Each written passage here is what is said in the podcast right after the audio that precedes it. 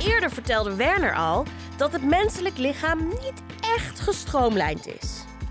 Toch dachten vroeger veel ontwerpers dat dat wel zou kunnen. Vandaag is Thomas er weer om daar meer over te vertellen. Ben je er klaar voor? We beginnen bovenaan met tandenpoetsen. 3, 2, 1. Poetsen maar. Thomas, vertel. Een gestroomlijnd lichaam. Hoe zit dat? Want eigenlijk zijn mensen niet zo gestroomlijnd, toch? Nee, een gestroomlijnd lichaam bestaat niet.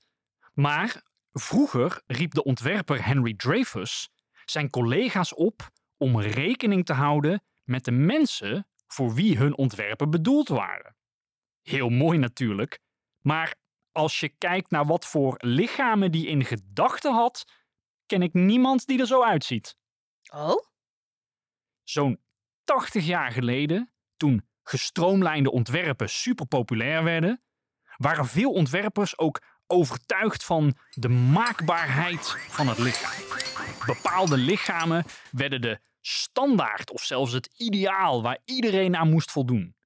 Dreyfus maakte zelfs een poster om dat standaard lichaam te tonen. De man en de vrouw op deze poster werden Joe en Josephine genoemd. Draai nu je tandenborstel om en begin je ondertanden te poetsen.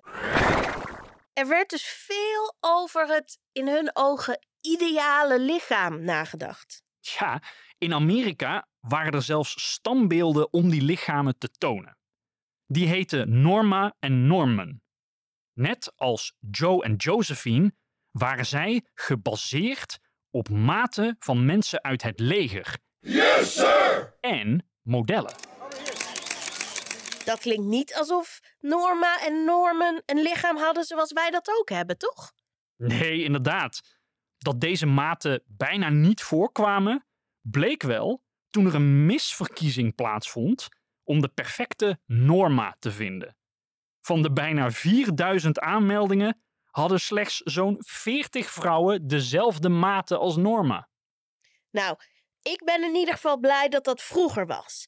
En dat die maten nu niet zo belangrijk meer zijn. Want volgens mij heeft iedereen gewoon een heel mooi lichaam. Gestroomlijnd of niet.